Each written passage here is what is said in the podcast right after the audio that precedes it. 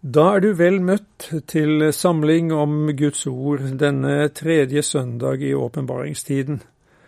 Teksten den finner vi i Johannes 1, 15-18, og vi skal høre om at Jesus har vist oss hvem Gud er. La oss først be sammen. Kjære Jesus, vi takker deg for at eh, du har vist oss hvem Gud er og så skal vi få lov til å møte deg også denne søndagen, og vi ber om at du må åpenbare ordet ditt for oss ved Den hellige ånd. Amen. Johannes vitner om ham og roper, Det var om ham jeg sa, Han som kommer etter meg er kommet foran meg, fordi han var før meg. For av hans fylde har vi alle fått og det nåde over nåde. For loven ble gitt ved Moses, nåden og sannheten kom ved Jesus Kristus. Ingen har noensinne sett Gud, den enbårne Sønn som er i Faderens favn, han har forklart ham. Hvordan kan vi få et rett bilde av Gud? Bibelens svar er klart. Se på Jesus, for Jesus har vist oss hvem Gud er. Han er full av nåde og sannhet. Det er det dagens tekst handler om. For det første understreker døperen Johannes at Jesus er Guds sønn fra evighet. Johannes vitner om ham og roper, det var om ham jeg sa, han som kommer etter meg, er kommet foran meg fordi han var før meg. Døperen Johannes var et halvt år eldre enn Jesus og skulle forberede folket på hans komme. Det gjorde han ved å forkynne at de måtte vende om fra syndene sine. Slik skulle de lettere forstå at de trengte Jesus som sin frelser. Når Jesus kom etter Johannes, hadde han etter oldtidens tankegang en lavere posisjon. Men det var omvendt, sier Johannes. Han som kommer etter meg, er kommet foran meg. Han er større og viktigere enn meg, og han begrunner det slik fordi han var før meg. Menneskelig sett er dette umulig, men Jesus eksisterte altså før Johannes ble til ja, som Guds sønn, ordet som evangelisten Johannes kaller ham, er han fra evighet. Det er han som ble kjød, fikk del i menneskelig natur og tok bolig iblant oss. Gud kom synlig nær til oss mennesker. Riktignok eh, hadde han lagt et dekke over sin guddommelige herlighet, for ellers hadde det vært umulig å omgås Guds sønn. For ingen kan se Gud og leve. Det måtte også Moses innfinne seg med, selv om han ba om å få se Guds herlighet. Men eh, nå har det skjedd noe stort. Selv om ingen noensinne har sett Gud, har den enbårne sønn, som er i Faderens favn, ja, som er ett med Faderen, han har forklart ham. Vi kan altså bli kjent med Gud selv gjennom Jesus. Det henger sammen med at eh, Jesus er en sammensmeltning av Gud og menneske. Derfor kan han bli gitt til oss som en gave fra Gud for av Hans fylde har vi alle fått, og det nåde over nåde, hørte vi. Jesu fylde er det Jesus er full av, det som preger han fullt og helt. Hva er det? Jo, vitner evangelisten Johannes, og vi så Hans herlighet, en herlighet som den en enbåren sønn har fra sin far full av nåde og sannhet. Jesu fylde er hans herlighet, hans guddommelige egenskaper, og den er full av nåde og sannhet. Eller som det heter i vers 16, og det nåde over nåde. Nåde i stedet for nåde kan vi oversette det med. Det betyr at Jesus er sprengfull av nåde. Det er det som preger ham, alltid og på alle måter. I en svensk bibel heter det av hans fullhet har vi alle fått del med nåd og åter nåd. Direkte oversatt til norsk blir det av hans fylde har vi alle fått, med nåde og atter nåde. Hva betyr nåde? Ja, både i Det gamle og Det nye testamentet handler det om eh, ufortjent velvilje fra en overordnet, og da spesielt fra Gud. Herren eh, sa til eh, Moses, også det du nå ber om, vil jeg gjøre, for du har funnet nåde for mine øyne, og jeg kjenner deg ved navn. Og engelen Gabriel sa til Maria, Frykt ikke, Maria, for du har funnet nåde hos Gud.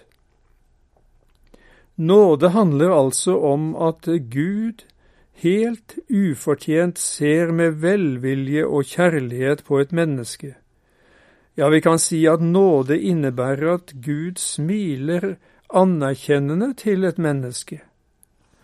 Smilet opplever vi jo som et signal om kjærlighet og aksept oss mennesker imellom. Men hvordan er det mulig? Hvordan kan Gud smile til meg, en synder som på ingen måte har gjort meg fortjent til et anerkjennende smil fra Herren Gud. Dette er ikke noe vi mennesker har funnet på, men noe Gud har åpenbart i Jesus Kristus. For det heter i Titus 2, for Guds nåde er åpenbart til frelse for alle mennesker. Guds nåde er noe Han har tatt initiativet til og den blir presentert fullt ferdig. Åpenbare betyr å avdekke eller avduke noe. Har du vært eh, vitne til en avduking noen gang? Hvordan var det med det kunstverket som ble avduket? Var det bare halvferdig? Ja, da hadde det blitt oppstandelse. Nei, det er selvsagt helt ferdig. Slik er det i hvert fall med nåden som Gud har åpenbart. Den er fullt ferdig på alle måter. Det mangler ingenting, for det som skulle gjøres, har Jesus gjort. Det er fullbrakt. Når sa Jesus dette?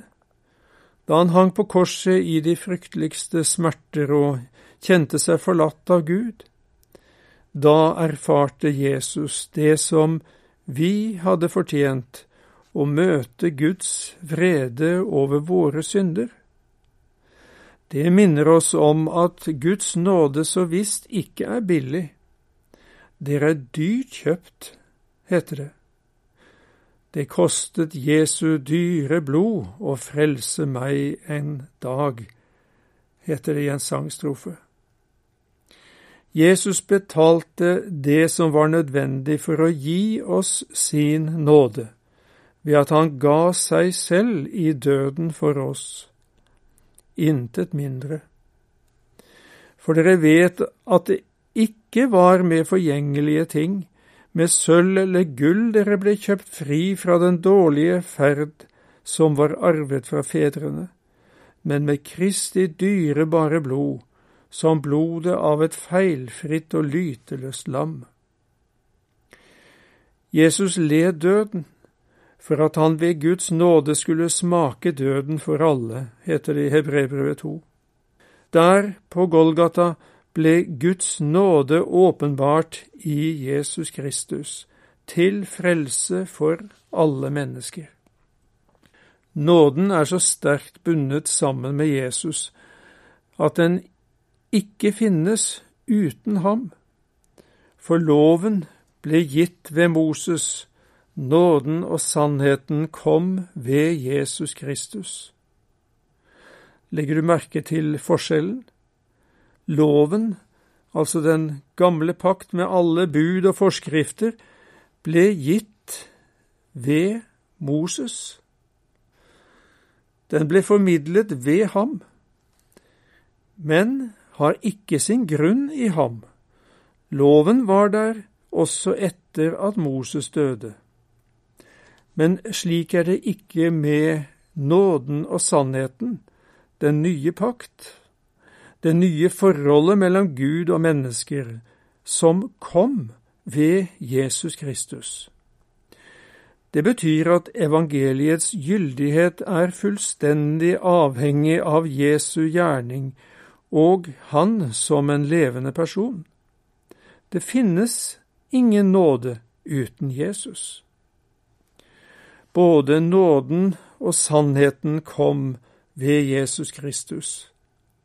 Det innebærer at nåden som han presenterer, er et sant og rett bilde av Gud.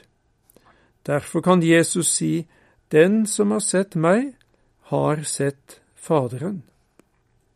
Guds nåde er altså åpenbart til frelse for alle mennesker, i Jesus Kristus. Men skal vi få del i nåden, må vi ta imot Jesus i tro uten gjerninger. Nåden var så visst ikke gratis for Jesus, men fordi han har betalt alt, kan den tilbys oss gratis, helt ufortjent. Derfor kan Johannes, og da er det nok mest sannsynlig evangelisten Johannes som vitner, for av hans fylde har vi alle fått, og det nåde over nåde. Jesus er Guds nåde, slik at det å ta imot ham er det samme som å ta imot nåden. For dere kjenner vår Herre Jesu Kristi nåde, at han for deres skyld ble fattig da han var rik, for at dere ved hans fattigdom skulle bli rike. Dette ble tydelig demonstrert på røveren på korset. Å henge nærmest naken på et kors minutter før døden trer inn, må vel kunne sies å være fattigdom. Ved siden av ham hang en som var i samme situasjon, men han var egentlig rik. Han var bare blitt fattig for at den fattige røveren og alle andre fattige syndere skulle bli rike. Røveren ante litt av dette, for han sa, Vi får det vi fortjener etter våre gjerninger, men han har ikke gjort noe galt og han sa, Jesus, kom meg i hu når du kommer i ditt rike. Og han sa til ham, Sannelig, sier jeg deg, i dag skal du være med meg i paradis. Han fikk nåde fordi han vendte seg til Jesus i sin nød. Nåden var like tilgjengelig for begge røverne, men den ene hadde ikke bruk for den. Han slo seg sammen med de andre spotterne. Slik er Guds nåde åpen for alle mennesker i dag, men det er bare de som tar imot nåden i Jesus, som får del i den. Utenfor Kristus får vi ikke noe av nåde, men bare etter det vi fortjener, sier Rosenius. Men i Kristus Jesus gjelder ingen gjerning, ingen synd eller uverdighet. Dette er nåde. Så langt Rosenius. Røveren som ble frelst, hadde en skrøpelig tro etter vår vurdering, og gode gjerninger hadde han i hvert fall ikke å vise fram. Det var han fullstendig klar over selv også. Men han ble frelst utelukkende på grunn av det Jesus gjorde rett ved siden av ham. Det er et herlig eksempel på hva det vil si å bli frelst av nåde. Vi har så lett for å komme med våre gjerninger og vårt liv framfor Gud. Når vi synes at det har lykkes sånn noenlunde, ligger det en liten følelse under at Gud nå bør være litt fornøyd med oss. Men når vi mislykkes, når vi synder i tanker, ord og gjerninger, hva da? Da begynner vi straks å beklage oss. Nei, jeg fortjener ikke Guds nåde slik jeg er. Hva er egentlig dette? Et uttrykk for at vi ikke har forstått hva det vil si å bli frelst av nåde. Som det heter i en sangstrofe, bland aldri inn, du Kristi brud, det minste eget godt, for mellom synderen og Gud der gjelder nåden blott. Det er dessverre så altfor mange som betrakter Jesus på avstand og tenker på hva en må forandre og gjøre før en våger å nærme seg han. La oss bruke et oppkonstruert bilde. Tenk deg at du står utenfor en gullsmedbutikk og ser på plakater i vinduene Alt er gratis. Velkommen inn. Men du blir stående på avstand, for du tenker at det er for godt til å være sant. Og dessuten er du ikke sikker på om butikken er åpen, du ser jo ikke noe dørhåndtak. Men så bestemmer du deg likevel for å nærme deg butikken, og da opplever du at døra plutselig åpner seg automatisk så du bare kan gå rett inn og forsyne deg. Slik er også alt gratis hos Gud. Du må bare komme nær til Jesus og ta imot alt for intet. Hør, men er det av nåde, da er det ikke mer av gjerninger, ellers blir nåden ikke lenger nåde. Slik heter det i Rombrevet 11. Vi har så lett for å gjøre nåden betinget, men det går ikke an å fortjene nåde. Ja, det går heller ikke an å gjøre seg ufortjent til Guds nåde. Nåden er ufortjent og gratis. Derfor utelukker nåde og fortjenestefulle gjerninger hverandre. Du må velge det ene eller det andre. Som det heter i Rombrevet 4, den som har gjerninger, får ikke lønnen av nåde, men som noe han har fortjent. Den derimot som ikke har gjerninger, men tror på ham som rettferdiggjør den ugudelige, han får sin tro tilregnet som rettferdighet. Siste delen kan uttrykkes slik. Den derimot som ikke har gjerninger, men tror på ham som frikjenner den skyldige, han blir ved troen tilregnet Jesu uskyld. Det blir ikke virkelig gode gjerninger dersom du må ty til litt nåde for å berge deg i land. Og nåden blir ikke nåde dersom du prøver å legge til noen av dine gjerninger.